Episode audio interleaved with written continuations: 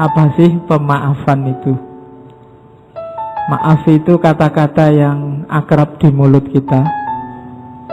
Cuma jarang orang yang sampai masuk ke dalam memaafkan benar apa enggak. Sama kayak kemarin kebencian. Kebencian itu akrab dengan hidup kita sehari-hari tapi kita tidak merasa bahwa dalam diri kita banyak kebencian. Maaf itu sering kita ucapkan tapi kita jangan-jangan tidak tahu bahwa kita belum punya jiwa memaafkan. ada banyak definisi tentang forgiveness, tapi saya suka definisi itu. Yang saya suka dari definisi itu ada beberapa kata-kata yang menurut saya pas. Yang pertama, proses. Jadi maaf itu butuh proses. Susah maaf itu langsung. Kalau langsung itu biasanya bukan maaf. Mungkin bahasa basi atau otomatis thought kayak kemarin. Nyenggol orang kesenggol deal maaf ya. Itu biasanya enggak, enggak ada mikir panjang. Maaf beneran apa kayaknya enggak jadi ada proses pasti. Setelah proses tapi proses ini proses yang disengaja.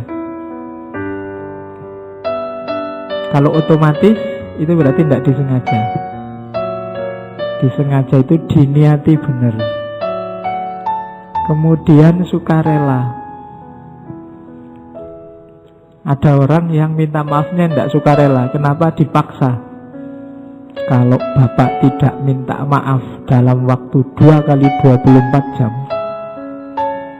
saya laporkan polisi. Nah itu tidak sukarela. Tidak ketemu hakikatnya pemaafan. Orangnya minta maaf bukan karena dia memang niat minta maaf, sengaja minta maaf, tapi karena takut ditangkap polisi. Jadi ada unsur sukarela dan sengaja. Kemudian ada sikap mental yang berubah dari awalnya tidak suka, tidak berkenan jadi memaklumi. Harus ada ininya. Kalau batinnya masih belum memaklumi itu belum maaf, tapi masih basa-basi. Kayak kita kemarin waktu Idul Fitri itu kan salam-salaman dengan siapa saja. Itu 90% basa-basi. Coba kamu cermati kan basa-basi. Ketemu temannya, "Eh, hey, minal aidin ya," mesti gitu. Maaf lahir batin ya, tapi enggak itu basa-basi prosesnya tidak ada. Jadi perubahan perilakunya tidak ada. Dan yang terakhir emosi negatifnya disingkirkan. Dendam, ingin membalas, tadi disenggol, nyenggol balik baru saya maafkan. Itu berarti nggak memaafkan. Jadi dalam maaf itu ada kesengajaan, kesukarelaan, ada perubahan tanggapan dari suka jadi jadi tidak suka jadi suka. Dari marah jadi memaklumi. Dan yang terakhir tidak ada lagi emosi negatif. Kalau ini ada berarti kita sudah memaafkan orang itu. Tapi kalau masih ada emosi negatif masih ada marah sebenarnya saya masih marah ini. Tapi ya sudahlah saya maafkan. Nah ini marahnya masih ada sebenarnya belum kita memaafkan dia Ketika memaafkan, emosi negatifnya harus sudah hilang. Maaf beda di situ di paragraf kedua saya tulis maaf beda dengan kandening kalau bahasa Inggris. Jadi kandening itu ketika orang tidak menganggap itu salah, ya berarti tidak butuh maaf. Jadi misalnya kakimu keinjak oh maaf ya, oh enggak apa-apa. Bagi saya kamu enggak salah, wong kamu enggak enggak sengaja, bukan salah itu. Nah itu kan dendeng, itu sebenarnya enggak butuh maaf. Atau excusing. Excusing itu itu ya salah, cuma kamu enggak harus tanggung jawab.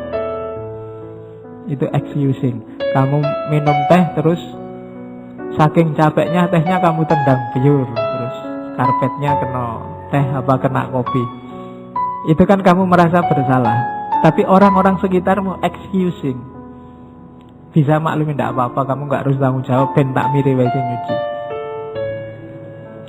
Nah itu itu namanya excusing yang kena kerjaan takmirnya sekarang. Jadi excusing itu juga tidak butuh pemaafan. Sudah dimaafkan duluan.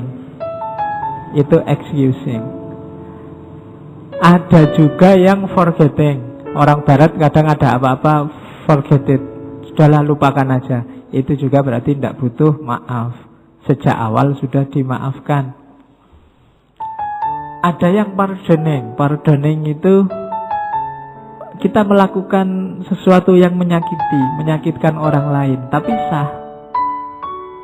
Mungkin karena kita hakim. Hakim itu kan dengan ini saya putuskan kamu di penjara tiga bulan. Kan kita nggak bisa bilang kejam sekali orang di penjara tiga bulan. Loh enggak, karena memang dia ngomongnya sesuai hukumnya memang begitu.